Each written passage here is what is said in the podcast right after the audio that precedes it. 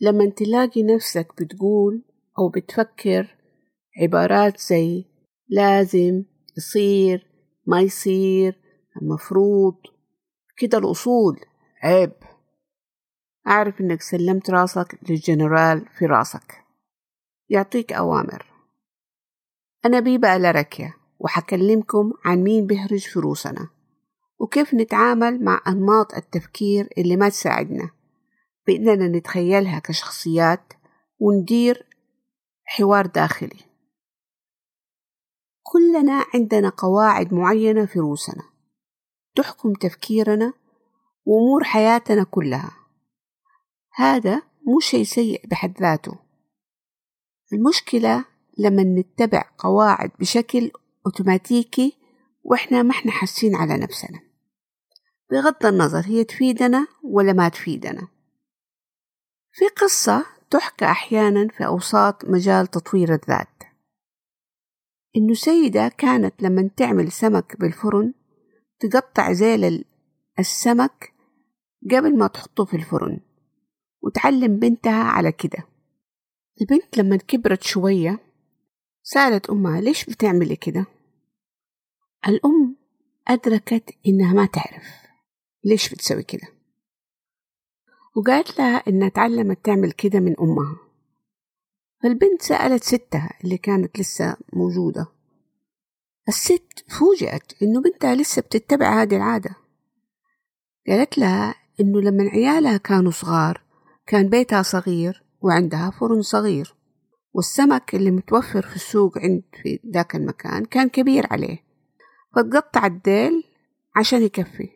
وبس. الجنرال في راسنا يمثل برمجة القواعد والتعليمات اللي نتعلمها. وهذه قد يكون لها دور وفائدة في حياتنا في وقت معين. الفائدة والدور قد يستمروا قد لا يستمروا لكن البرنامج شغال.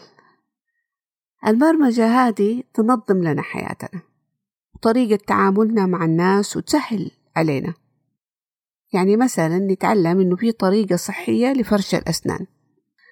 تخيلوا لو كل مرة نبغى نفرش أسناننا نفكر في كل خطوة وهل هي صح ولا خطأ؟ لكن مو معناته عمرنا ما نغير. نتعلم إنه في طريقة للسلام والوداع في مجتمع معين.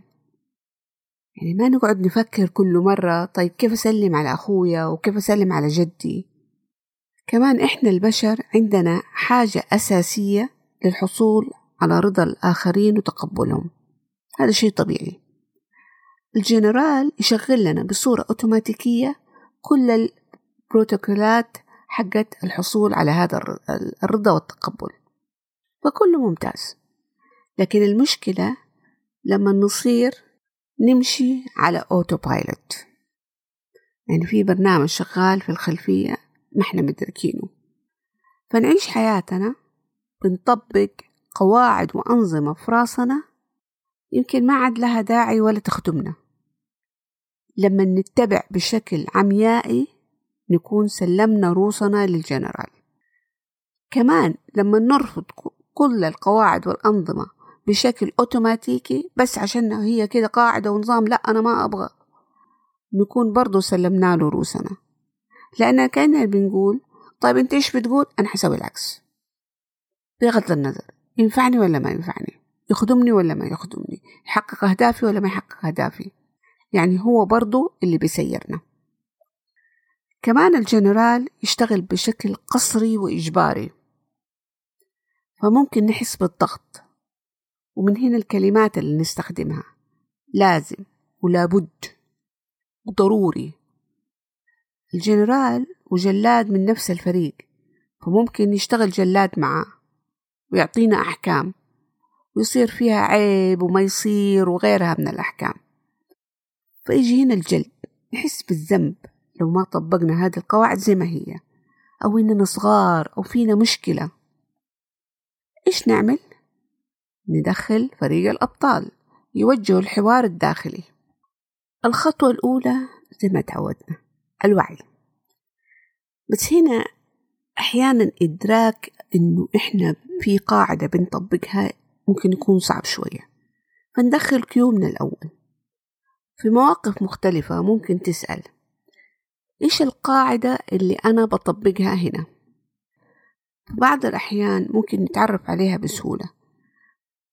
وأحيانا لا نحتاج نفضل نسأل نفسنا في مواقف متشابهة عشان نعرف إيش القاعدة اللي بنطبقها. الخطوة الثانية كيو تتحقق. سؤال بسيط بس نعرف أصل الهرجة من فين جاية. ليش أنا بطبق هذه القاعدة؟ وأنا بتبع أوامر مين هنا؟ أحيانا هذه القواعد تكون جاية من مصادر معينة. ولما نحددها ممكن نروح نستوضح أكتر لو محتاجين. زي في مثل السيدة هذه وأمها في قصة السمك. أو ممكن نقيم المصدر نفسه. ممكن أحد قال لي شيء زمان. مدرسة أستاذ أحد كنت أعرفه في شخص أحدنا العيلة. بيصير أعمل تقييم هل هذا الشخص يصلح أستمر في اتباع كلامه. خلوا بالكم أحيانا تكون القاعدة جدا سلبية ومو لازم نفضل نتبعها. كمان كيو تسأل بتحاول ترضي مين؟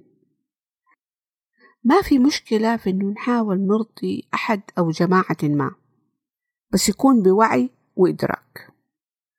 الخطوة الثالثة كيو تحدد الهدف في هذا الموقف. وسراج يركز الانتباه على الهدف. القاعدة بحد ذاتها ما لها معنى بدون وضوح الهدف لأنه المفروض إنه إحنا عندنا شيء معين نبغاه. تعمل سمك مشوي في الفرن ويكون لذيذ ومغذي. توصل لبيتك بسلامة وسرعة وسهولة دايما في هدف نبغى نكون واضحين فيه. الخطوة الرابعة تقييم القاعدة من ناحية إذا كانت تساعدنا لتحقيق أهدافنا. بعد ما حددنا الهدف باستخدام القوة الرباعية كواد باور يعني إيه؟ نسأل إيش فائدة تطبيق القاعدة بالنسبة لي؟ إيش مدار تطبيق القاعدة بالنسبة لي؟ هذه اثنين ثلاثة إيش فوائد عدم تطبيق القاعدة؟ أربعة إيش مدار عدم تطبيق القاعدة؟ ممكن يكون في تشابه لكن عشان نتأكد إننا بنشوف الموضوع من كل الجوانب مثل بسيط. هل تنتظر إشارة المرور تفتح؟ هذه قاعدة نحن ننتظر صح؟ الفائدة السلامة والسهولة. المدار ياخد وقت ممكن للبعض في إحساس بالملل والرتابة. فائدة عدم التطبيق ممكن الإثارة استباق الوقت.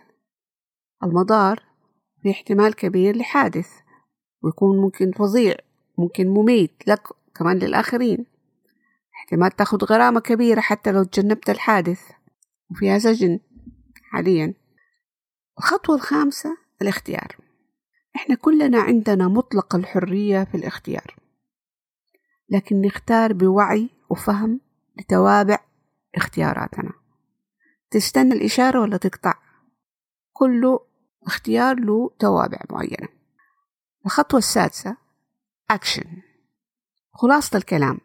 لما نلاحظ نفسنا بنقول لازم يصير ما يصير المفروض كده الوصول عيب وغيرها من الكلمات اللي بتعني الفرض والضغط والالتزام بقواعد وأنظمة معينة نتبع الخطوات التالية. خطوة واحد الوعي عن طريق كيو خطوة اثنين كيو تتحقق عن سبب تطبيقنا للقاعدة ومصدرها.